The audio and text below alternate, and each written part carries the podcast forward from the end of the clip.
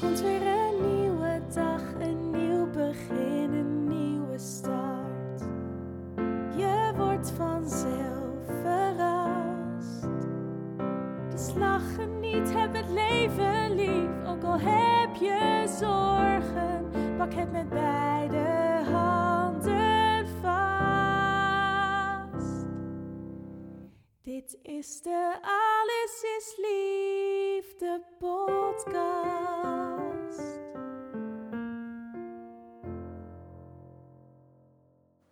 Welkom, je luistert naar de podcast Alles is Liefde.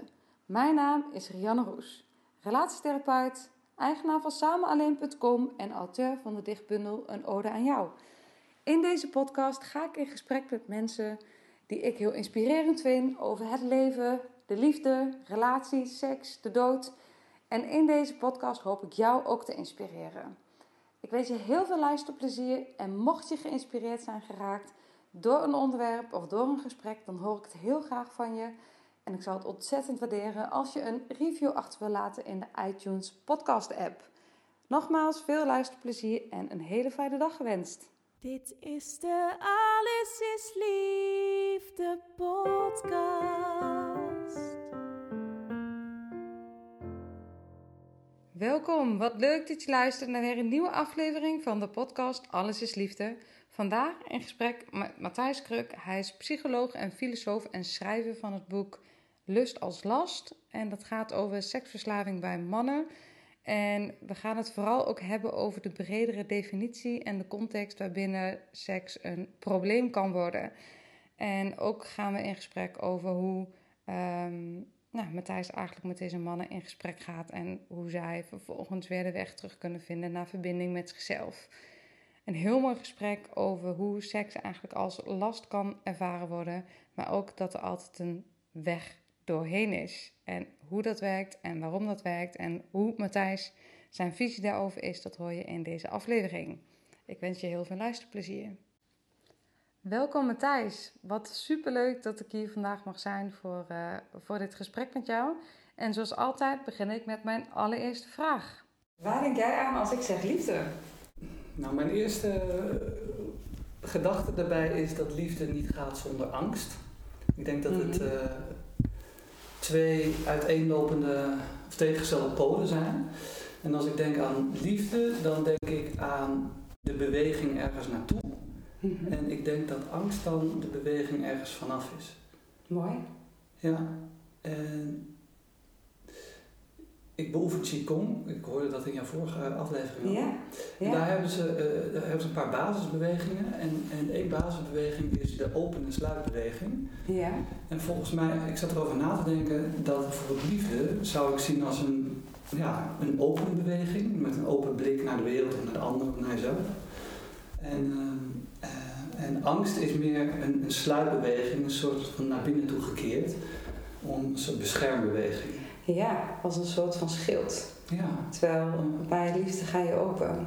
Ja, en, en, en je kan dus ook uit liefde dichtgaan, denk ik. Ja. Dus ik denk dat die twee per definitie zeg maar, de hele tijd met elkaar te maken hebben. Je kunt niet altijd open blijven of altijd naar buiten toe bewegen. Ik denk dat het heel gezond en verstandig is om af en toe even naar binnen te bewegen. Ja, maar dan is het niet uit angst, dan is het uit liefde.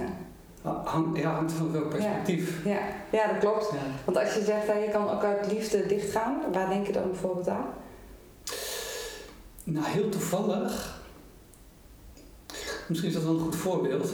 Afgelopen week heeft een van mijn betere vrienden de vriendschap verbroken. Of, ja, opgezegd. Ja, wat, wat best pijnlijk is en, en verdrietig. En tegelijkertijd zie ik ook dat het ook uit liefde is. Misschien liefde voor hemzelf, want het kwam meer uit zijn initiatief. Mm-hmm. Maar ik denk ook misschien wel, de manier waarop hij het heeft gedaan trouwens, is ook respectvol naar mij. Ja. Dus in die zin is het, uh, kan, kan je zeg maar dichtgaan of de sluitbeweging maken uit liefde voor jezelf, maar dus ook voor de ander. Ja. En dan gaat het om, om hè, dat je denk ik, als je, als je hem plat slaat, gaat het hele leven misschien wel over balans de balans tussen liefde geven en liefde ontvangen. Dus Ja. uh, nou, ja. daar denk ik aan. Ja, mooi. Want wat maakt het liefdevol, als je daar iets over wil zeggen? Want je zegt eigenlijk, het was heel erg in verbinding. Het was heel erg vanuit liefde.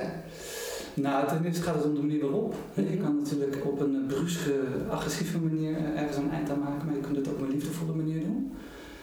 Dat is denk ik eh, liefdevol omdat het eh, ehm, helpt voor closure, zou ik maar zeggen. Voor een, Ja, de afhechting. Ja, een liefdevolle afhechting. Ja.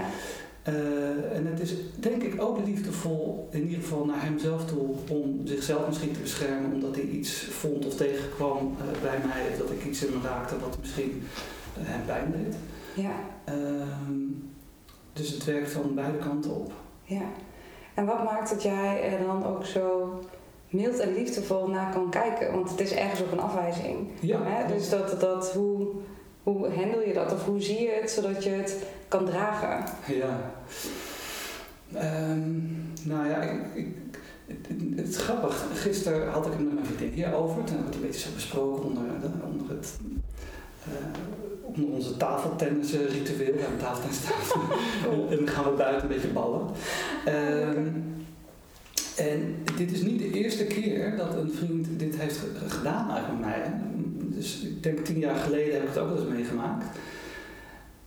En je vraagt eigenlijk hoe, maar wat maakt nou dat je er nu zo liefdevol naar kan kijken. Dus Ja. ik, ik denk dat ik tien jaar geleden eerder de, ook de ander zou afwijzen of mijn focus op de ander zou hebben en kijken waar, het- waar, het bij hem lag. Ja, maar jij hebt ook. Hè? Ja, en nu probeer ik heel erg te kijken, oké, wat zit er in die boodschap waar ik iets aan heb en wat iets over mij zegt, wat, wat ook waar is.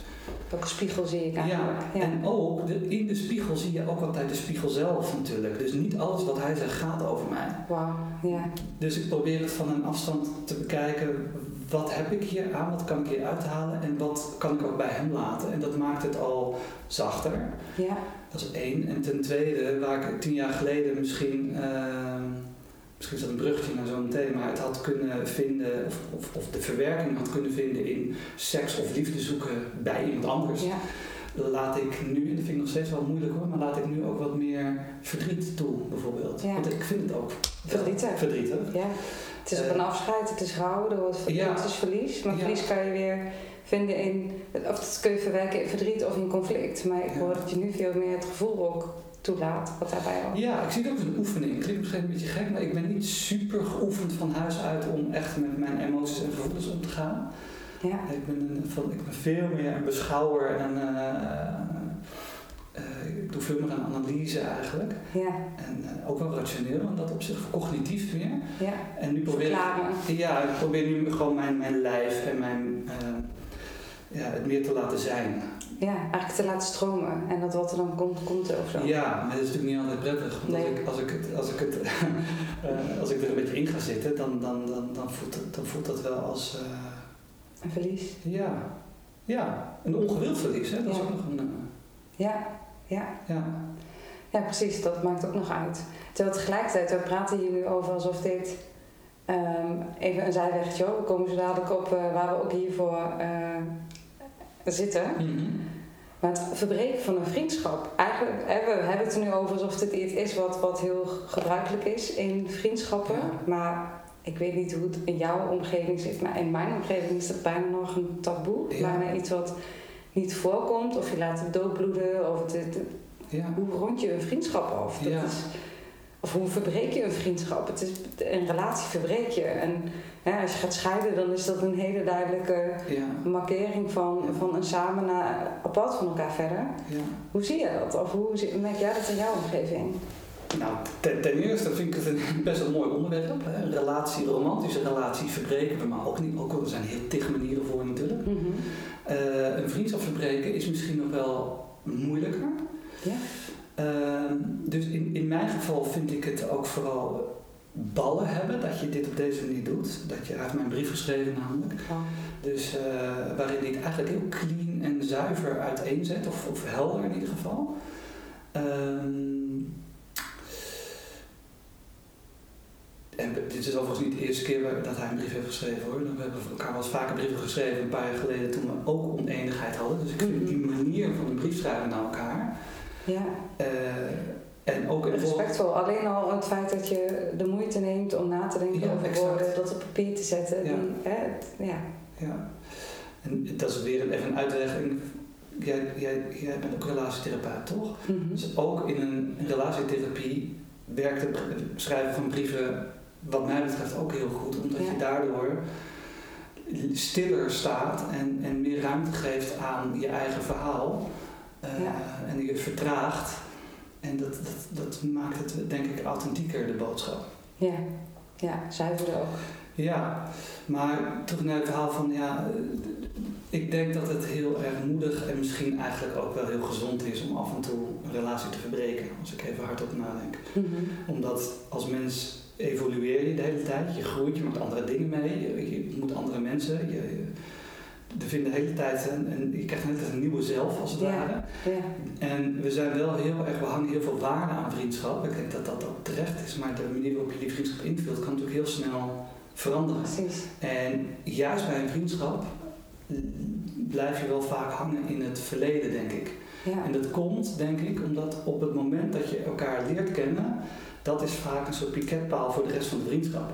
En op een gegeven moment, als een vriendschap zich verder ontwikkelt, kan het wel eens gebeuren dat je heel vaak terug gaat grijpen naar vroegere ervaringen. Maar dan leef je eigenlijk niet meer in het hier en nu met de vriendschap. nee. Je bent misschien nog vrienden uit loyaliteit of uit een gedeeld verleden, uit een Ja. gedeelde geschiedenis, maar niet meer omdat je misschien in dit hier en nu geïnspireerd raakt door elkaar. Ja, Tenminste, dat, ik geloof er altijd in dat een, een relatie, en dat hoeft niet 24 uur per dag, maar in die end is een relatie ook bedoeld om individueel te kunnen groeien en te kunnen ontwikkelen. En juist in de spiegel die een relatie of een persoon in die vriendschap je voor kan houden, ja, dat je daar delen van jezelf herkent en die kan ontmoeten. ja. En niet zozeer om eh, ja, te blijven hangen in wat er was. Ja, maar het is dus net welke waarde je aan vriendschap geeft. Klopt. Ik weet En even, wat je hebt meegekregen van huis uit. Ja, nou, volgens mij was, was het Aristoteles die had drie verschillende vormen van vriendschap. Ik weet niet of ik het nu allemaal goed zeg. Maar eentje ging in ieder geval over nut. Mhm. eh, dat je iets aan elkaar hebt. Ook iets, de tweede ook volgens mij over eh, ja, dat je samen dingen beleeft. En, dingen doen, dingen ervaren. Ehm, eh, volgens mij, ik weet niet of ik het goed zeg hoor, maar er was ook een aspect dat hij noemde wederkerigheid. En heel veel vriendschappen, wat in mijn geval, gaan ook wel eens daar scheef. Omdat hè, je, kon, je geeft soms veel meer, meer dat je terugkrijgt. En als die wederkerigheid weg is, ja, wat, wat, is, wat is er dan nog over van een vriendschap? Ja, kan je terug naar een stukje nut of kan je hè, dan samen dingen doen. Maar als die wederkerigheid maar van één persoon komt, dan voel je al dat het fundament scheef gaat. ja. ja. Ja, Ja, dus in die zin, eh, even afrondend, ik, ehm, ik heb eh, echt wel respect voor eh, hem, hoe hij dit me- met mij heeft afgehandeld. Ja. Waardoor het voor mij ook wel makkelijker verteerbaar wordt. ja, Ehm, dat noem ik wel liefdevol. Dus ook Ja. in, het, in het afscheid kan liefde verscholen zitten. zeker. En ik vind het heel mooi om te horen hoe je daarover over praat en over de, de- hoe je het verteert eigenlijk. Ja, Ja, nee, ik ben er Ja. ook mee bezig. Misschien door er hierover te praten nu met jou. ja. Het is een manier om het te verteren. ja dat klopt. Maar het is, je draagt het wel aan, dus het geeft wel ook een bepaalde openheid en moed en kwetsbaarheid aan. Dat dit iets is waar je op een milde en liefdevolle manier ook naar jezelf toe wil, eh, naar wil kijken. Ja, maar het is ook een beoefening. Tenminste, ik, ik, ik, ik beoefen mildheid. Eh, ik, vind, ik denk dat dat een van, eh, in ieder geval mijn belangrijke waarden is, maar ook een, ehm, een, een stap naar groei, naar heling. Ja, En als je het over liefde trouwens, dan denk ik ook, er komt er altijd één woord bij me op, dan noem ik dan heelheid of heling. ja, ja. Ehm, dus in plaats van het van me af te stoten, wil ik het omarmen wat hier gebeurt, ook al is het dan pijnlijk. Ja, maar wel op een manier waarop je, precies wat jij zegt, als je in de spiegel kijkt, is er ook nog de spiegel. Ja. Dus het is niet alleen maar de 100% een reflectie van, van jou. Het is ook, wat je ziet is ook een spiegel. Ja, ik denk, maar dat is het tweede aspect, denk ik.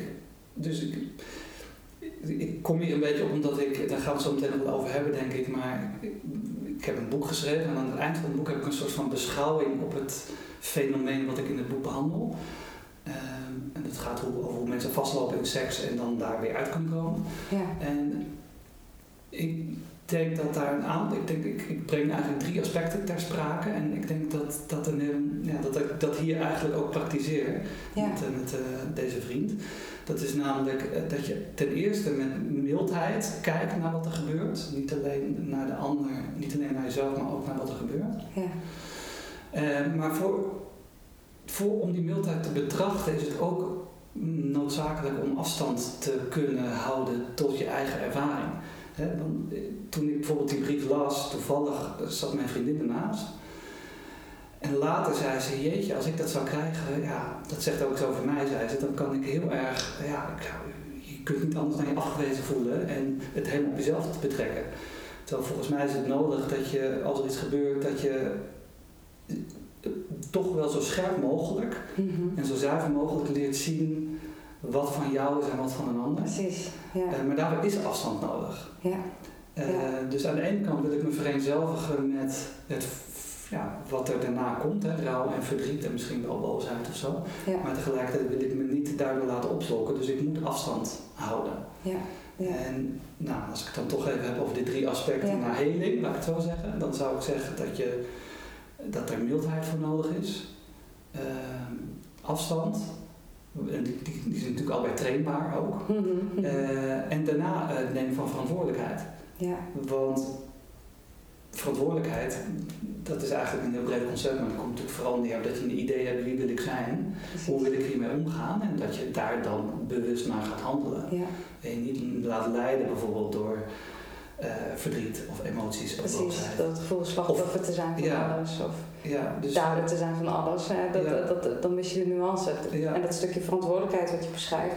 Bij mij roept het ook heel erg de, de term zelfreflectie op. Want je moet dus eerst weten wie en wat ben ik. Ja. Om een onderscheid te kunnen maken tussen ik en de ander. ja, dat is wel een voorwaarde. Ja. Ik denk dat als je dan toch ergens moet beginnen om, eh, om te trainen, dan, eh, en dan is dat zelfreflectie. Eh, maar volgens mij is dat ook waar Socrates mee begon. Hè. Ken u zelf stond op het orakel van Delphi vroeger al. Want Ja. pas als je jezelf niet kent, dan ben je eigenlijk zo doelloos bezig. Ja. Mag wel. Eh, Ja. Maar als je gaat nadenken over de vraag eh, wat betekent het leven, dan moet je je plek in het leven onderzoeken. Precies, en dat zit niet alleen in je hoofd. Nee. nee, dat betekent dus dat je met een blik naar buiten toe gericht ook eh, met open armen eigenlijk eh, de wereld waarneemt om te ontvangen wat er gebeurt. Ja, zowel het moeilijke als het fijne en het extatische als het Ja. kabbelende. Ja. ja. ja. Alle uitersten van het leven absorberen. Ja. Ja. Hey, en je, je noemt het net al even, hè? je hebt het boek geschreven Lust als Last. Ja. Nou, ehm, ik wil eigenlijk twintig vragen tegelijk stellen, maar wil je eerst misschien kort iets vertellen over hoe je, wat, wat je affiniteit met het onderwerp is, hoe het misschien in je eigen leven Ja. gespeeld heeft. En ik snap echt dat, dat het een verhaal is waar we drie podcasts over op kunnen nemen. Je hebt trouwens zelf ook een podcast hè, over het boek. Oké, nu komen die twintig vragen Ja, precies. Dus goed onthouden. Ik zeg hier na drie kwartier niks meer. Nee. Ja. Ehm, ja, dat is eigenlijk mijn eerste vraag. Hoe ben je tot het schrijven van dat boek gekomen? Wat, heeft je, wat is je drive? Wat is je Ja. missie hierin? Nou, ik ga, ik ga beginnen met een antwoord en kijken wel waar we uitkomen. Goed. Kijk, want het boek heet eh, Lust als last en dat heeft een ondertitel Wanneer wordt seks verslavend? Met een vraagteken. Prachtige titel trouwens. Dankjewel. Ja. ja dankjewel. Ja, ja. Ehm, hoe ben ik ertoe gekomen? Ik, ik, ik, ik ben psycholoog. Ik ben van huis uit een sportpsycholoog. Eh, Mhm. Ik ben nu 40. ehm, en toen ik ongeveer 30 was, toen ben ik eigenlijk vanuit sportpsychologie in een verslavingszorg terechtgekomen. En eh, dat was een hele kleine verslavingsinstelling in Amsterdam. Er waren eigenlijk nog twee vrouwen die hadden het opgezet. En ik was eigenlijk de eerste freelancer die daar binnenkwam. En toen vroeg ze al heel snel van, wil jij niet iets met seksverslaving doen? Want we hebben heel veel alcohol en, en cocaïne en cannabis en zo. Eh, want jij bent een man.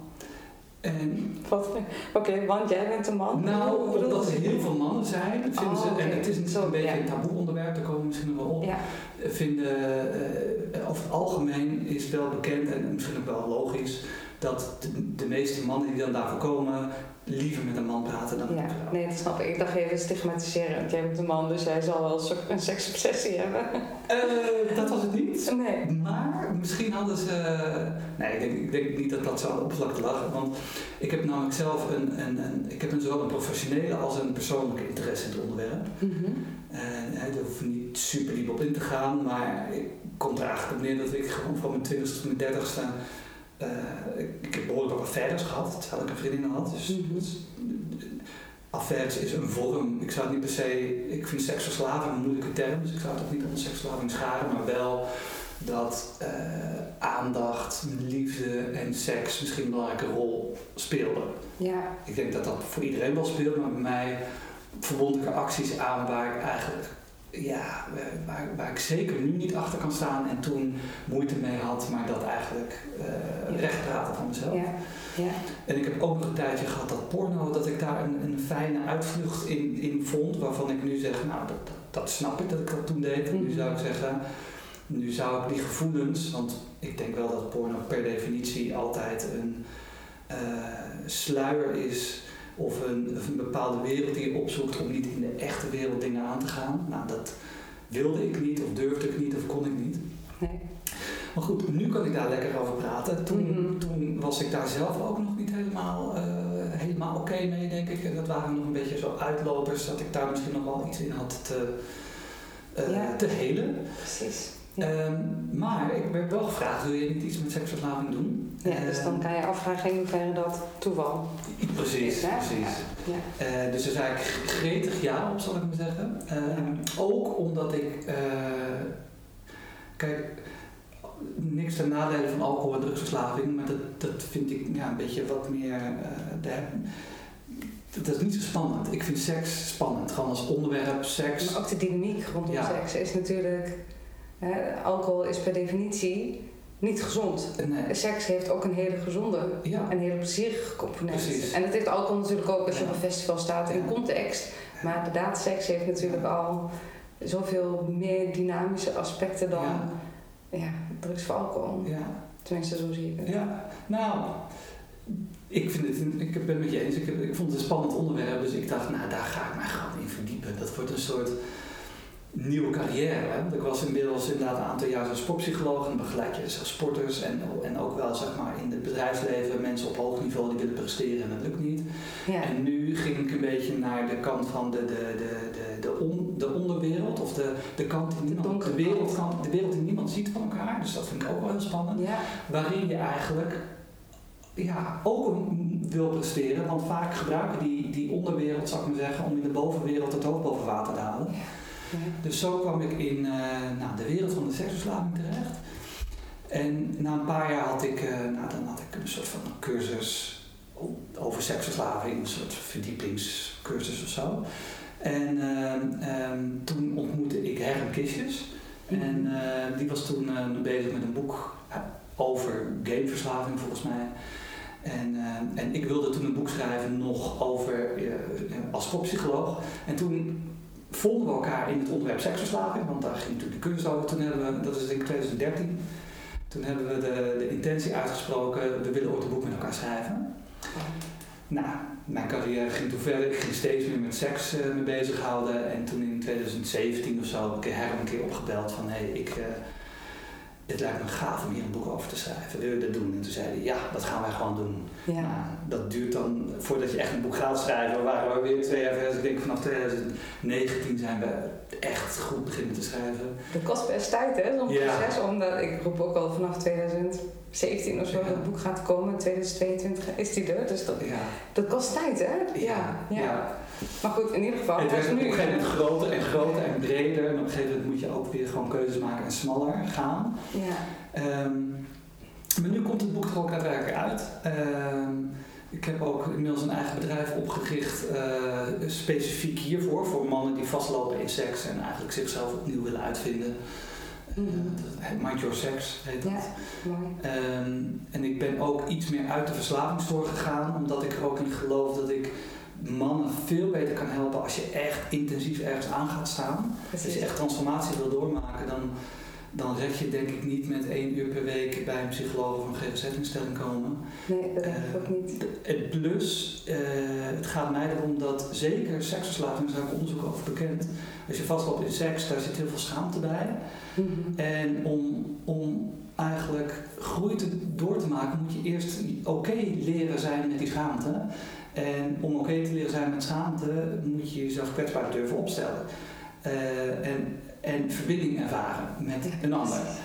Ehm, Nou, dus wat ik wil is veel meer mannen in groepen samenzetten, omdat je dan die, ja, dan kan je het proces versnellen van heling.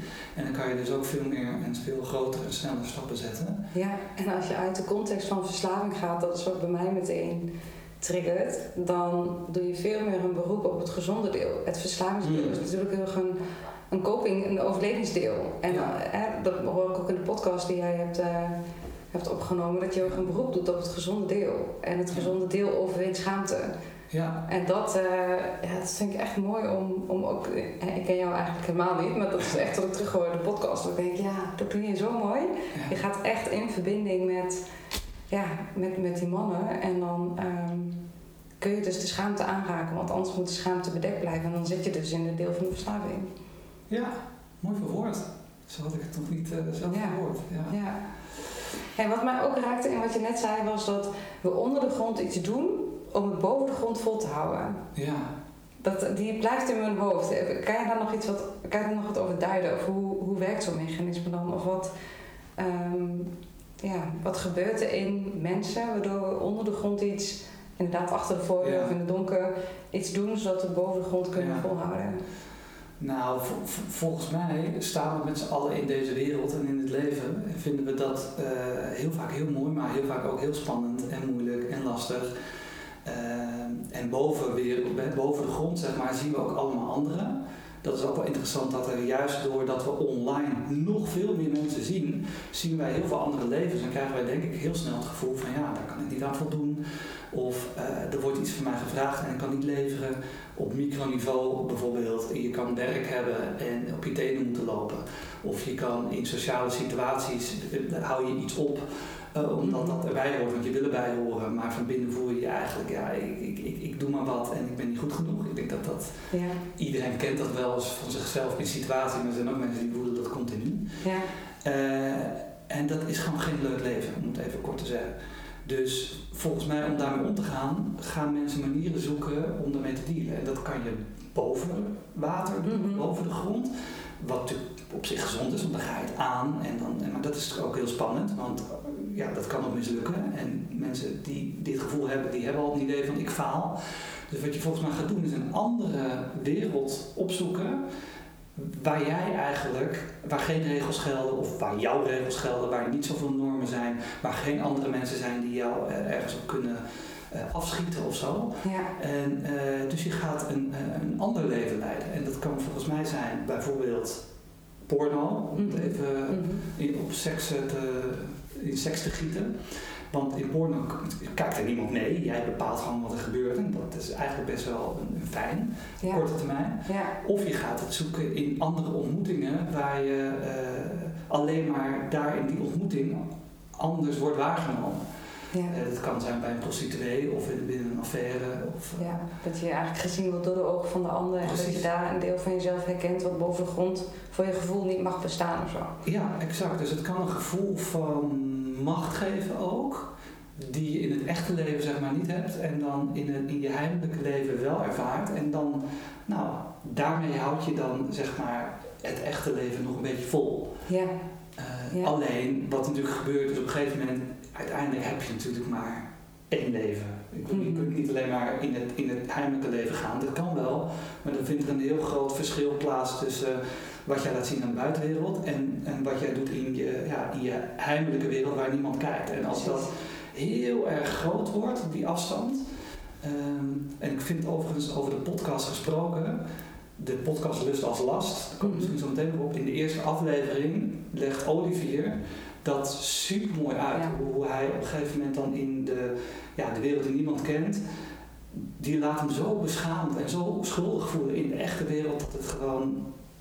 Dat, dat het verscheurend is. ja, ja. ja, dat beschrijft hij echt waanzinnig. Ja, eh, dat raakt me mooi. ook enorm inderdaad. Hè? Dat, eh, ja, gewoon ook vanwege de kwetsbaarheid, maar ook vanwege het pure verhaal wat hij vertelt over zijn eigen gevecht. En dat maakt het meteen zo mild en liefdevol. Hè? Dat Ja. je denkt, ik snap zo je, je gevecht en hoe je daardoor verscheurd raakt. En dat maakt het hele daden-slachtoffers-stuk waar mensen soms... Hè, we zijn zo geneigd om het goed, fout of in hokjes te plaatsen. Hmm. Maar het maakt het zo zacht of zo, zo Ja. mild en, En alsof het iedereen kan, en dat kan, dat kan denk ik ook, hè, alsof het iedereen kan overkomen.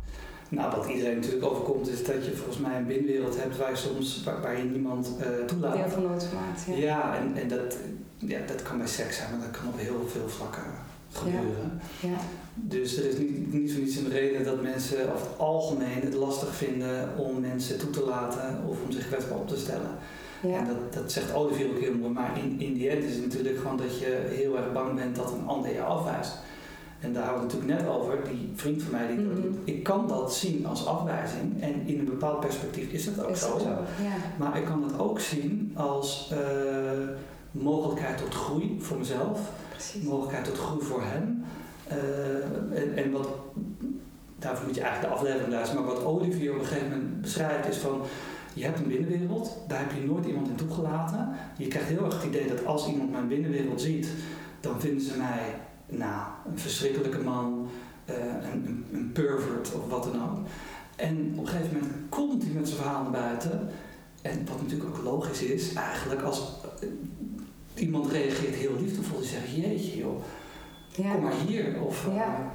Ja, die, reageert, die blijft gewoon. Terwijl hij altijd had gedacht, maar Zijn mensen schaamte. mensen gaan weg. precies. Zijn schaamte heeft hem verteld dat als je dit naar buiten Precies. brengt, dan hou je niemand meer over. Dan zakt de wereld boven de grond, Ja. stoot in elkaar. En je hebt niemand meer. Ja, dus, dus als ik nou even doordenk waarom ik nu bijvoorbeeld misschien ook dan wel weer vrij open hierover vertel over die vriend van mij. Ik denk dat het, kijk, schaamte is natuurlijk ook een functionele emotie, omdat als je heel erg onbeschaamd altijd te werk gaat, dan hou je ook niemand meer over. Dus ik denk dat schaamte een waardevolle emotie is, maar het, het risico van schaamte is dat, dat het heel erg naar binnen, heel snel naar binnen gaat keren, je op kan gaan vreten. Ja, En eh, waarom- dat je aan jezelf gaat twijfelen precies. en daardoor eh, dingen gaat doen in het verborgene. Ja, En volgens mij kun je jezelf trainen om in heel veel situaties je kwetsbaar op te stellen. Eh, en dan is er misschien risico op afwijzing, maar de, de, de verhouding afwijzing en acceptatie, die ligt veel meer aan de kant van acceptatie. Want als ik me kwetsbaar opstel en iemand reageert van wauw, wat fijn dat je dat vertelt en die inspireert of eh, kan allemaal kanten op, eh, dan verspreid je liefde. Om het Precies. even mooi eh, ja. En te zeggen. je gaat onderscheid maken tussen. of, of niet maken, dat gebeurt denk ik automatisch. Tussen met welke mensen wil ik in mijn leven houden omdat Ja. ze me lief hebben voor alles wat ik ben. Ja, En met welke mensen krijg ik een ander soort verhouding, wat ook prima is. En dat maakt die mensen niet binden, maar je gaat wel voelen dat je in de cirkel ten eerste kleiner wordt, maar wel eigenlijk veel onvoorwaardelijker. ja. En dat er altijd mensen zijn met wie je je diepste emoties kunt delen. En al zijn het maar één of twee, ja. dat is altijd nog fijner dan twintig waar je denkt dat je je boven de grond hoog moet houden. Ja. Ja. Ja. Dus dat, ja, dat inderdaad. En wat net ook bij mij naar boven kwam was het woord incompleet. Want dat is, iedereen denkt dat de wereld boven de grond jouw wereld is. En als dat gevoel van niet compleet zijn, eh, dat wordt volgens mij steeds groter naarmate de, de, wereld onder de grond eh, een, een grote deel van jouw Ja. leven in beslag neemt. Ja, Dus dat je het gevoel hebt dat je steeds meer een schim wordt van wie je werkelijk bent. exact. Ja, mooi verwoord. Ja, Ja. Dus even terug naar jouw vraag. Mhm. Ehm, waarom hebben wij dit boek geschreven? Mede hierom. ja. Dat even om te beginnen. Zodat, want ik weet toevallig dan in mijn werk dat er gewoon heel veel mannen, het zijn bijna alleen maar mannen, maar ik komen misschien nog wel op, ehm, die hierin vastlopen. Want seks heeft iets, eh, er zit al snel een taboe op. Ik bedoel, als het om seks gaat, durf je vaak je niet zo kwetsbaar op te stellen. Seks gebeurt ook vaak in, in het duister. Mhm. Trouwens, als je naar feesten gaat of, of seksfeesten, of niet, ja, nu zeg ik alsof ik daar zelf altijd geweest ben, dat is niet waar. Maar ik bedoel, er is niet voor niets altijd gedempt licht of rood licht. Mhm. Eh, het gebeurt ook vaak in de nacht. Snap je? Er is Ja. een heel groot verschil tussen de dag en de nacht eigenlijk. Ja, Ehm, dus ik vind dat prima trouwens. Ik denk dat het goed is dat er dingen ook gebeuren. Niet alles hoeft in openheid te gebeuren. het hoeft niet op straat. Eh, nee, maar ik, ik- wat we met het boek willen bewerkstelligen is dat mensen wel eh, worden uitgenodigd om na te denken over, over hun eigen relatie met seks. En in hoeverre je daarin eh, ja, misschien kunt verdwijnen. Want het is een aanlokkelijke wereld waar je in kunt verdwijnen. Ja, En ik weet toevallig dat de mensen die bij mij komen, die komen al bij mij, die zijn al een drempel overheen. Maar er zijn heel veel mannen waarvan ik denk, bijna zeker denk te weten, eh, dat die daar heel moeilijk mee naar buiten komen. En vaak, ik spreek heel vaak mannen die hebben, dan ben ik de eerste aan wie ze iets vertellen wat ze heel erg beschamend vinden. Uh, en vinden dat dan heel spannend, maar dat durven ze dan bij mij, omdat ik dan neutraal ben en, en, en ook nou, beroepsgeheim misschien wel. Ja, en, ook wel dat je noemt dat je ervaringsdeskundige bent op een zeker, uh, ja. een zeker niveau. Ja. Omdat het betekent dat je jezelf ook dus ergens doorheen gewerkt hebt en tegelijkertijd je professie hebt vanuit, vanuit opleiding en, en professionaliteit. En beroepsgeheim uiteraard. Ik ben mezelf ook wel eens bij therapeut geweest en echt dat de allereerste keer was ik zo blij dat ik gewoon iemand bewijs van de eerste keer was zelfs nog contant bedenk ik me nu geld geef om naar mij te luisteren of zo alsof je daar een stuk bezwaar kan wegnemen dat je een beroep doet op iemands tijd en energie. Ah ja, ja. Maar goed, dat uh, roept het ook bij mij op. Dat ja, ja, de verhoudingen nou, ik heb ook eens gehoord hoor. Maar dat is, ik denk dat het een, misschien een hele gezonde transactie is ook. Mm -hmm. Anders dan komt het al snel op, uh, in vriendschap terecht. Ja. En dat kan de vriendschap dan weer beïnvloeden. Dus Precies. iemand die dat mij vertelt, beïnvloedt onze relatie niet. En sterker nog, dat is onze relatie, dat iemand ja. mij alles vertelt. Precies. Prachtig toch? Ja. ja. Ja, en wat, wat, wat merk je bij, wat, wat zie je, um, wat je zegt, de schaamte speelt denk ik bij heel veel mensen. Ik denk, ja. wat jij zegt, dit, op dit gebied merk ik het vooral ook bij mannen en denk ik dat je met je boek en je podcast echt een doelgroep mannen bereikt die niet zo snel mm. echt naar uh, ja, hier de deur over durven te stappen, mm. de drempel over durven te stappen. Ja. Um, wat, wat zie je in, waar lopen dan mannen tegenaan? Wat is hetgene wat jij in je praktijk merkt rondom seksverslaving, uh, seks als, als regulering. Ja. Dat is net hoe je het, uh, hoe je het noemt. Ja. Seks nou, en macht noemde je net nog. Ja, nou ik probeer, ik, ik, we delen het zelf in ons boek en ik deel het eigenlijk ook bij mijn cliënten ook een beetje altijd uh, zo in. Er zijn, ik denk dat er twee categorieën zijn. Mm -hmm. De ene noem ik passief en dat betekent eigenlijk dat je op een passieve manier uh, in seks vastloopt. En passief is eigenlijk altijd één eenrichtingsverkeer, namelijk porno. Er is niemand aan de andere kant van de lijn met wie je een interactie aangaat. Um, en de tweede is actief. En dat is eigenlijk dat er altijd wel minimaal één ander is in, ja, waar er seks mee wordt beleefd. Of ja. de intentie om welke vorm van seks of intimiteit daarmee te beleven. Ja. En dat kan een prostituee zijn, uh, een affaire, uh, wisselende contacten. Uh, maar ook online, dat gebeurt ook heel vaak, dat je Mhm. online, online gaat daten. Dat leidt dan, dat, leidt dan misschien tot uh, actief, maar dat kan ook gewoon online blijven Ja. en chatten. Um, en dan, dus mensen zijn op zoek naar contact met een ander. En daar in die twee, dus in actief en passief, kunnen mensen redelijk vastlopen omdat het op een gegeven moment zo belangrijk voor je wordt om uh, seks te gaan beleven of porno te gaan kijken of uh, relaties aan te gaan of aandacht te krijgen. Het is best wel een waaier van waar het Mhm. op valt. Uh, dat je andere dingen in je leven niet meer aan toe komt. Ik denk dat dat ook het criterium is. Ik denk dat er twee criteria is waarom ik zou zeggen mensen krijgen een verstoorde relatie met seks. Ja. Of in de volksmond noem je dat dan seksverslaafd. Alleen ik vind dat een beetje een moeilijke term, omdat het meteen best wel een stempel drukt. Precies, verslaving heeft meteen allerlei stigma's en Precies. allerlei vooroordelen over wat het Ja. dan zou moeten betekenen. Ja, dus daarom spreek ik liever om de lading wat eraf te halen, zou ik liever uh, willen spreken van je loopt vast in seks of uh, je hebt een uh, verstoorde of een getroubleerde relatie met Ja. seks. Want je gebruikt de seks dan ergens om jezelf gerust te stellen. Hè? Wat, wat, um, wat eigenlijk ook een hele mooie manier is, maar als het dysfunctioneel wordt, pas Ja. dan is er eigenlijk een Ja. probleem. Want als je in een liefdesrelatie uh, seks beleeft, is het ook een manier waarop je voelt: oh, ik ben verbonden, met, als, als we vanuit zon, gezonde positie bekijken, ik ben verbonden met mezelf, ik ben verbonden met jou, het geeft me een fijn gevoel, het geeft me bevestiging. Ja. Dat is wat we als wezenlijke basisbehoefte in ons leven he nodig hebben, verbinding. Ja. Maar dus het is ook een grijs gebied, lijkt me, waar, waar gaat een uh, gezonde relatie met seks en dus met jezelf en met je lijf en met, Mhm. met iemand anders over naar een verstoorde relatie met Ja. seks? Nou, ik, waar het volgens mij ten eerste al om gaat, is dat ik zie wel als een. Um, uh, vroeger heeft ooit heeft iemand mij uitgelegd, of die had een mooie metafoor, dat je, je, je kan een schilder zijn en je hebt drie kleuren, daar kan je eigenlijk de drie basiskleuren kan je superveel mee maken. Um, Maar wat je eigenlijk wil is dat je nog veel meer kleuren tot je beschikking al hebt, zodat je eigenlijk sneller een bepaald schilderij of iets wat je in je hoofd hebt kunt maken.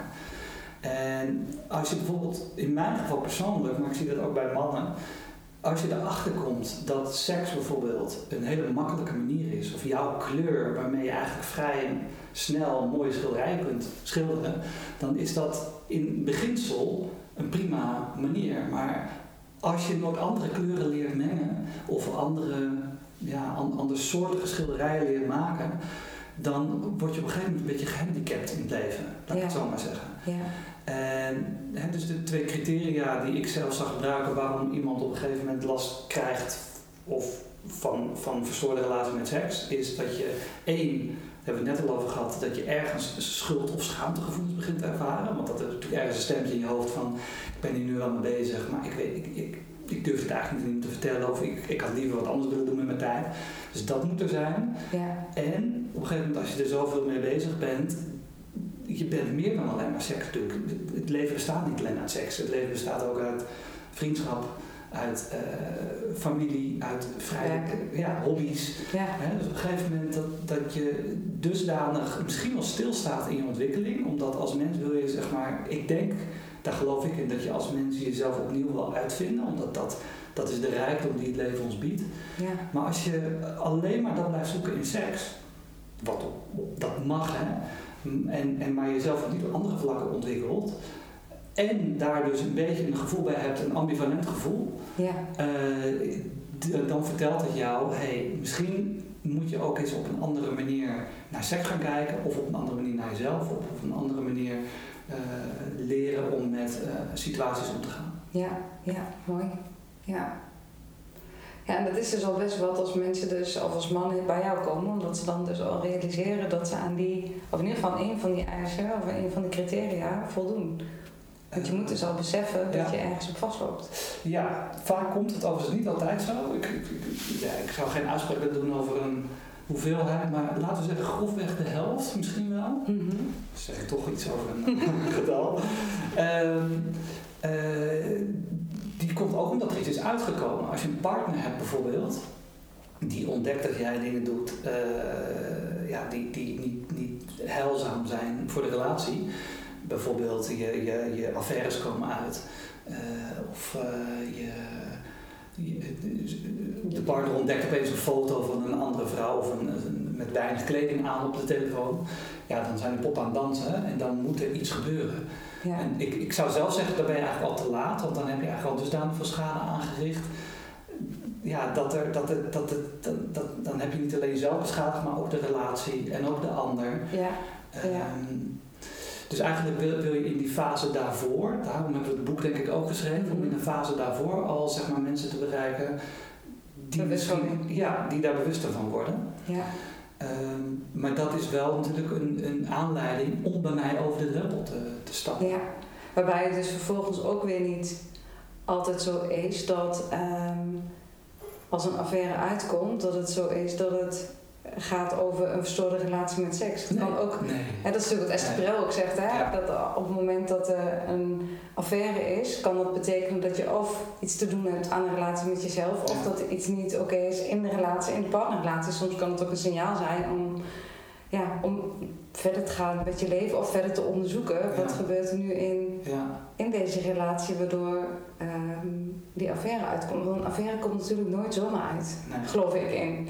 Als, bij alles wat ik zie als, ja, als relatietherapeut, bij de mensen die ik zie in mijn trajecten, dan is er eigenlijk altijd wel ehm, een uitnodiging om iets te bewegen. Het is bijna altijd in een transformatieproces. Ja. ja. En dan is het ook ergens weer gezond. Dus maar goed, dat komen mannen natuurlijk ook bij jou onderzoeken. Wat is de betekenis van mijn gedrag? Ja, nou, je, zegt het mooi. Dat- uiteindelijk heb je denk ik twee manieren waarop die ik altijd wil onderscheiden. Dus men, ik noem het even met een heel mooi woord intrapsychisch. Dus Mhm.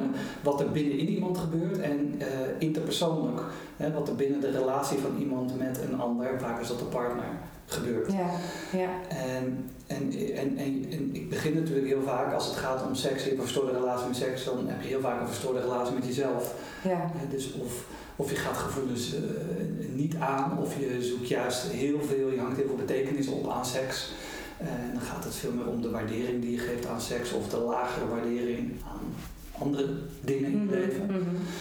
Ehm, en, en als je daar, nou ja, gezonder of, of, of, of, of, dat je jezelf daarin hield eigenlijk, Ja, dat maakt het dan makkelijker om ook een relatie met een ander natuurlijk aan te gaan. precies. Als je voelt dat je zelf een stevige basis hebt in jezelf, dan, heb je niet, dan kom je niet iets halen in die ander wat je Ja. probeert te bedekken in jezelf. Ja, Ja. ja, dus ik denk ook, als ik het nu zo hard op, over, als we het hier zo hard over hebben, dat ik in de eerste plaats me richt op eh, mannen die een gezondere relatie met seks en dus met zichzelf willen. Ja, ja, mooi. Ja, en voor hen is dit boek. Nou, niet Ja. alleen voor hen, het is ook voor hulpverleners trouwens. Nou, ik ga het zeker lezen, want ik ben echt heel nieuwsgierig Ja, en benieuwd leuk. naar, eh, naar wat, je, eh, wat je geschreven hebt over. Ja. Is natuurlijk, weet je, seks is iets wat iedereen bezighoudt. Iedereen is bezig met, Ja, heb, heb ik een gezonde relatie, of niet iedereen misschien, maar heb ik een gezonde relatie met seks? En als dat niet zo is, eh, en er gebeurt nu ook zoveel rondom het thema seks. Ik hoor het vallei-orgasme. Het, het is Ja. natuurlijk iets wat hot is in die zin dat, Ja. dat ehm, ja, je wilt het niet de belangrijkste maken van je leven, maar tegelijkertijd word je er wel continu mee geconfronteerd. ja. Je wordt wel in de, in de maatschappij mee om de oren geslagen. ja volgens mij is seks niet van, al, van alle tijden altijd super belangrijk. Ja. En volgens mij, eh, wat, wat het zo moeilijk maakt, is eh, die bekende uitspraak van, van Oscar Wilde. Hè, die zei: eh, Alles in de wereld draait om seks, behalve seks, dat draait om macht. ja. Dus daarom al En die wat bedoel je daarmee? Want ik heb hem volgens mij gelezen in, Wat, nou ja, ja? op jouw website. Kan Oh, dat- dat? nou, dat in een blog van jou? Oh, dat zou goed kunnen. Ja, kijk, hij, ziet van mij, hè, dus ik moet eigenlijk Oscar Wilde vragen. Ja, het, Maar ik kan wel zeggen Wat is je interpretatie? Ja, precies. Nou, eh, hoe ik hem gebruik. Ik heb een, eh, we hebben een apart hoofdstuk in, eh, in het boek over seks en macht, omdat dat zo'n symbiotische relatie is met, heeft met elkaar. Ehm nou, daar kunnen we zo meteen misschien nog wel over eh, door. Maar wat, wat, wat ik eruit haal is, seks gaat natuurlijk ook over jezelf verliezen. Ook over Overgave. over hè, eros, bijvoorbeeld als je het hebt over de kracht eros, dan, dan en nu draaf ik misschien even een beetje door, ik haal er wel te veel dingen bij, maar bijvoorbeeld waarom, waarom stellen die lang bij elkaar zijn, volgens mij, maar nu sla ik het heel plat, dat eros wat uitdooft, is omdat je op een gegeven moment gewoon heel erg gelijkwaardig bent. Dus seks gedijt bij ongelijkwaardigheid, bij onveiligheid, bij spanning. Maar dat, dat staat natuurlijk haaks op wat wij zoeken tegenwoordig in onze relatie. In een monogame relatie is geborgenheid en veiligheid en vertrouwen essentieel. En dat is heel fijn en heel veilig en belangrijk. Maar hoe veiliger een relatie, hoe meer eros een beetje uitdooft. Ja. Ehm, dus, dus daarom is seks en macht, zo interpreteer ik die uitspraak dan, ik interpreteer hem een beetje breed, eh, dat we zijn, denk ik, in alles toch wel bezig met, met, met, met seks. Hè. Je zou kunnen zeggen dat bijvoorbeeld eh, kunst ook seks is, omdat met, met, met kunst eh, zijn we op zoek naar schoonheid. Nou, je kan heel veel dingen op seks plakken, laat ik het gaat ook over levenslust. Ja. En wat ik met Sanne Burger in het Ja. interview ook besprak, dat ergens een, een echte verbinding met iemand voelen, dat is ook al iets, heeft, geeft ook een seksuele Ja. energie. De seksuele energie Ja. en seks is denk ik ook iets Ja. wat, wat je van elkaar kan onderscheiden. Seksuele energie kan je al krijgen op het moment dat je ergens heel veel zin in hebt. Dan hoeft het niet meteen seks te zijn, maar kan het ook een, ja. weet ik veel, een dagje strand zijn en eh, mooi Maar- weer. Maar goed, dat is inderdaad, dan zien wij denk ik seks een beetje op dezelfde manier. Ik denk dat seks kun je overal wel in vinden. Ja, Alleen wij hebben in het Westen best wel een enge of een nauwe definitie van seks. Hè? Bijvoorbeeld eh, geslachtsgemeenschap Ja. of zo. penetratie. Ja, dus volgens mij, ik ben geneigd om seks heel, heel breed te zien. Ehm, maar om, om op de uitspraak van Oscar Wilde terug te komen, volgens mij ehm, gedijt seks bij eh, ongelijkheid. En Ja. dat, dat, maakt het, dat maakt het wel een beetje moeilijk, want al die MeToo-gevallen, die gaan ook over macht. Macht. Dus daar is macht en seks natuurlijk heel erg eh, verweven geraakt met elkaar. Ja, En daar moeten we ons als maatschappij wel toe verhouden. Want seksuele energie enerzijds is fantastisch en je wil dat dat, dat stroomt. Maar aan de andere kant, als je alleen maar dat laat stromen en allemaal maar laat gaan... eh, of je hebt daar kwade intenties mee, want het gaat ook vooral om de intentie ja mee. precies. precies. eh, is, is, eh, ja, dan, dan, dan kan je heel anderen heel erg schade berokkenen. Dus Ja. daarom is het wel een essentieel hoofdstuk ook in het boek, denk ik ja. om eh, de relatie tussen seks en macht te, uit te diepen. Ja, want het, ja, ja, seks en ma- het- ik, ik voel helemaal hoe het met elkaar verweven is. En tegelijkertijd denk ik, oh ja, dat, je kan ook in een eh, BDSM-relatie zitten waarin Ja. die... ehm, waarin je, de- de- het is ook misschien een beetje boven en onder de grond, maar het kan ook heel gezond zijn misschien. Dat je eh, boven de grond als koppel heel gelijkwaardig en, en ehm, heel gezamenlijk en misschien wel volgens maatschappelijke normen eh, je positioneert, met tegelijkertijd onder de grond een, een machtsverhouding creëren binnen een Ja. seksuele spelende context van ehm, een, een, een dominante partner en een eh onderdanige partner. Ja, of hoe maar- zie je dat? Nou, het gaat hier om grenzen. Ja. Kijk, bij BDSM zijn, is er één hele duidelijke grens, iets wat je afspreekt. Hè? Je hebt Ja. ook allebei stemming ermee in. Ja, En eh, iets als MeToo, daar is dat juist al, absoluut niet het geval. nee. En als je het hebt over seks en over wanneer je een gezonde relatie hebt met seks, dan moet je ook weten wanneer het geen gezonde relatie meer is. Dus je moet een idee hebben wanneer iets genoeg is of wanneer je te ver gaat. En als je seks hebt met een ander, dan moet je op zoek gaan naar de grens ook van de ander. Dat is ook misschien wel het spannende. Of misschien Mhm. net overheen, maar je moet in ieder geval het vertrouwen hebben dat je eh, in goede handen bent Ja, bij elkaar. Ehm, dus dat is denk ik het belangrijkste aspect tussen bijvoorbeeld BDSM of, of, of ja, seks en macht anderzijds als het hebben over destructief, ja, precies. Ja. ja. Eh, het gaat natuurlijk wel, in, in- seks gaat ook in verbinding met elkaar. En in Ja. verbinding met elkaar moet je ook de grens opzoeken en respecteren en luisteren naar de ander. En ik denk dat de seks, ja, heel vaak gebeurt het ook niet. En, Ja. en als het gaat om solo seks of vastlopend porno, dan luister je vaak ook helemaal niet naar jezelf. Of wanneer, waar je eigen grens ligt. Nee, Dus daar kan je heel makkelijk je treedt eigenlijk ergens bijna uit je lichaam bij. Hè, of niet uit je lichaam treden als er een, een dissociatie in, maar je bent niet meer in contact met jezelf of verbonden met wat er daadwerkelijk goed is voor jou op dat moment. Want je, gaat, je bent iets aan het reguleren buiten, buiten jezelf om en niet in jezelf. Ja. Ja, dus ik, ik, ik, kijk, er zijn denk ik ook wel stromingen die zeggen van je moet helemaal geen porno kijken. Ik ben er wat pragmatischer in, denk ik, want er is heel veel porno en mensen kunnen daar ook wel van genieten. Ja, Maar de risico van porno is wel dat je heel snel ernaar gaat grijpen als je je even niet goed voelt. ja. Of dat als je er wel mee bezig bent omdat je daar zin in hebt, dat je er misschien eh, toch overprikkeld van raakt of lang blijft hangen. Dus ik zou, Ja. ik zou het nooit helemaal verbieden, want ik vind dat iedereen voor zichzelf moet ontdekken wat gezond is. wat, ja, wat, Ja. Wat, wat prettig is. Maar je moet wel leren inschatten dat wat je gaat doen ook consequenties heeft. Ja, Dat is het lastige. Ik heb wel eens een cliënt gehad. Die zei op een gegeven moment, ja, als ik begin, die ging bijvoorbeeld eh porno kijken en chatten bijvoorbeeld. En die zei, als ik begin heb ik altijd oprecht zin daarin.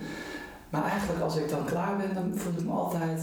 eh, katerig. ja, ja, op een gegeven moment als je dat weet, dan kom je niet meer weg met het idee van, ja, maar als ik, als ik oprecht zin erin heb, dan mag het. Dat is hetzelfde als met, met alcohol natuurlijk. Het is Precies. hetzelfde van, je mag alcohol gaan drinken, maar daar komt iets achteraan. En daar moet je dan verantwoordelijkheid voor nemen. Ja. Van, ja, wil ik dat dan ook dragen? Ja, Ja, ja. ja. Ja, oh, dat was net iets wat je zei, dat ik dacht, oh, daar wil ik echt nog even op terugkomen. Oh ja, dat is wat eh, ehm, over het MeToo, seks en macht, eh, seks, macht, mannen. Dat, ik heb soms ook het idee dat het voor mannen bijna steeds moeilijker wordt om, en misschien is dat te veel gebaseerd op eh, indoctrinatie van de media, maar steeds moeilijker wordt om ook vrij te zijn in seks. Merk je dat? Dat mannen misschien ook voelen van ja, waar het hele MeToo is natuurlijk enorm ontploft. Dat je ook, Hm. hoe vrij kan je nog zijn en vertrouwen op je eigen, ja, op de verbinding met jezelf, maar ook op de veiligheid van de ander die je dan wilt bieden. of is het niet iets wat je herkent waar mannen mee komen? Dat ze zeggen, ik voel, ik voel een druk alsof ik niet meer, alsof ik niet meer kan voelen waar de grens van de ander ligt en waar mijn eigen grens Mm. ligt. En dat het niet alleen maar komt door eh, de criteria die je nu noemt, maar ook vanuit een bepaalde druk van buiten eh, van de maatschappij of vanuit berichtgevingen die eigenlijk toch maken dat er meer op angst eh, ja, eh, gevoed wordt eigenlijk. Ja, je bedoelt dat, dat mannen misschien eh, zich heel erg terughoudend gaan opstellen dat ze bang zijn om over grenzen heen te gaan? Ja, het is, weet je, het is heel generaliserend gezegd, is het vaak toch nog, de man is de dader en de vrouw Ja. is het slachtoffer. Ja. Hoe vrij voel je je dan nog als man om ja, ook te uiten wat je voelt? Misschien is het een versterking van de schaamte of zo, maar jij weet dat de schaamte... Nou, ik, het is niet dat ik per heel veel mannen zie die hiermee dan komen. Ik denk ook dat dit iets is, wij hebben het nu over, wij zijn hier heel bewust van. Ik denk dat heel veel mensen zich niet op deze manier zo met seks bezighouden. Ehm waar het denk ik vooral om gaat, is dat we met z'n allen, zeker de mannen trouwens, bewuster worden van het effect dat we hebben op een ander en dan bewuster onszelf gaan gedragen. Het moeilijke daaraan is inderdaad dat je zou kunnen doorslaan daarin. Ik denk niet zozeer dat het. Dat, ik weet niet, met seks is misschien ook zo, maar ik merk het wel om me heen dat als het gaat om uitspraken van oh, dat mag je niet zeggen. Ehm, ik denk dat dat alleen maar goed is en dat dat een fase is dat, die we doorheen moeten, dat we ons daarna wel weer opnieuw tot elkaar kunnen gaan verhouden. Ehm, dus iedereen wordt nu een klein beetje zeg maar, opnieuw door elkaar geschud van Mhm. hey, eh, bijvoorbeeld, was laatst ook iets, hè, dat was, ik weet niet meer wanneer, mijn vriendin heeft daar een blog over geschreven. Dat ging over een, een, een, een, een vrouw, volgens mij in Londen, die was vermoord omdat ze over straat liep. eh, nou, dat werd een heel ding, Mhm. omdat. ehm, oh ja, dat werd een heel ding omdat heel veel mannen zeiden van ja, maar zo, zo ben ik niet, dat doe ik toch nooit. Maar het gaat erom dat mannen bewustzijn krijgen van wat voor effect ze kunnen hebben als het bijvoorbeeld s'avonds laat is en je loopt over straat. eh, dat je misschien eh, ja, nog behoedzamer moet zijn, dat dreigend kan overkomen. Niet omdat Ja. jij dreigend bent, maar omdat dat wel de ervaring is van de vrouw in de straat. Ja, ja. Dus in Ja. die zin denk ik, ja, ik denk, ik denk in die zin dat het heel belangrijk is dat eh, hetzelfde met institutioneel racisme, dat mensen zich gaan realiseren dat iets wat jij niet per se doet, dat dat nog steeds wel iets is waar je rekening mee kunt houden. Ja, ja, precies. Wat dat uiteindelijk dan voor onze seksuele beleving mee gaat brengen, dat Ja. weet ik niet. Want seks is juist bij uitstek natuurlijk iets wat een soort tegenpol is, waar we het net over hadden. Voor, voor, we, we zien hier van alles in de wereld van elkaar en seks zien we vaak niet. Nee, nee. Dus het, het kan een beetje alle kanten op. Ik denk dat er mannen zijn die, die zich juist, juist meer gaan verliezen in seks omdat ze zich moeten inhouden, wij van spreken, eh, nou, boven de grond. Ik denk dat er ook mannen zijn die zich eh, ja, erg ehm, terughoudend opstellen. Ik denk dat die er altijd al zijn. Maar... En er zal een groep in het midden zijn die, eh, ja, in het midden zijn. Ja, ja, Dus dat is een ja. beetje een... ja. Nee, ik zit inderdaad daarover ehm, eh, over na te denken hoe dat dan. eh, ik wil er net nog iets over zeggen, dus ik ga heel veel nadenken. Mm.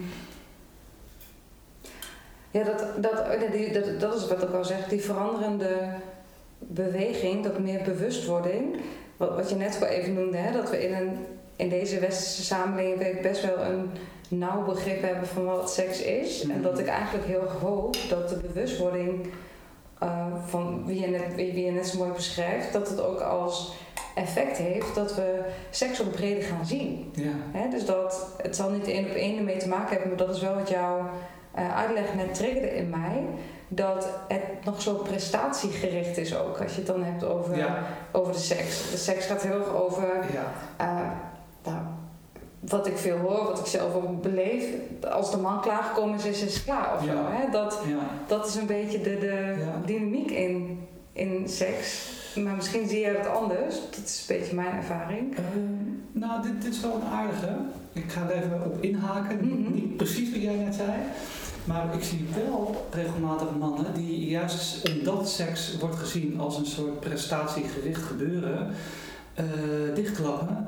En ehm, dat kan twee dingen betekenen eigenlijk. Of ze, hij wordt niet hard. Dus ja, en dan, dan, nou, dat is natuurlijk een soort van ultiem faal. Althans, zo kan dat voelen. Mhm. Of ehm, je kan wel helemaal gewoon seksueel je gang gaan, maar je krijgt geen orgasme. Of je krijgt orgasme binnen één seconde. Dat, natuurlijk, die had ik nog helemaal niet.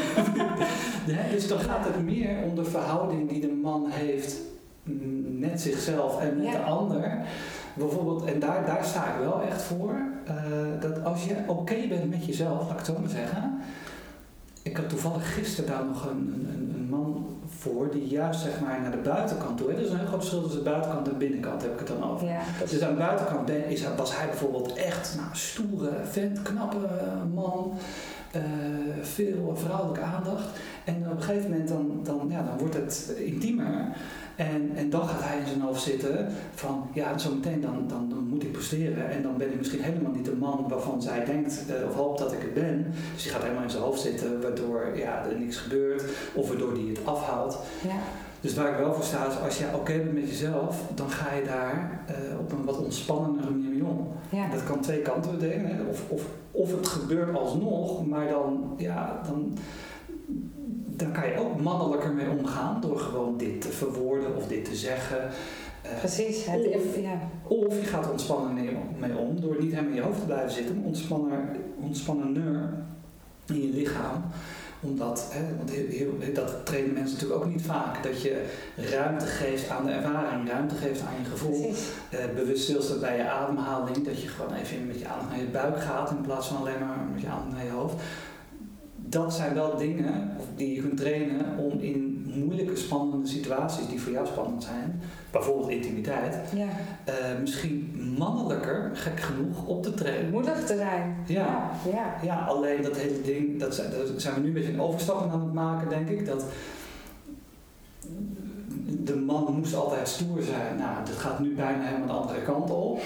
Maar de, de, wat wij verstaan onder mannelijkheid of vrouwelijkheid, ik vind het nooit zo heel. eh, die tweedeling vind ik niet zo interessant. Ik vind, Nee, Het is meer wat verstaan wij onder menselijkheid. het is een schaal eigenlijk, denk Ja. ik. Hè? Het, is, het gaat over energie, niet over geslacht.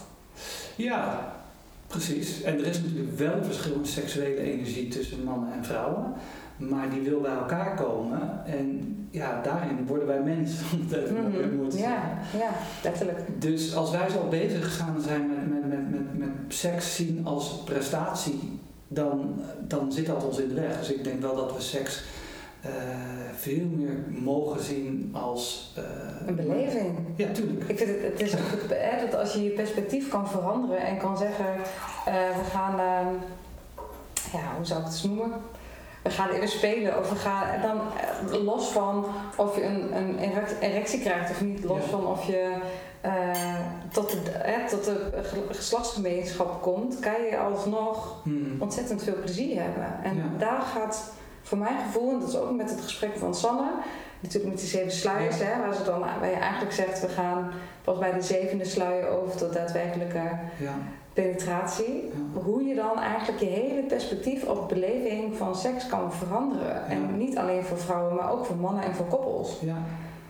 Daar zit rijkdom, denk ik. Want Ja. dan, dan zit er ook verbinding. ja. Maar daarvoor is het natuurlijk nodig dat je leert te vertragen. En dat is nou net iets wat we, waar we steeds slechter in worden, denk ik. Hè?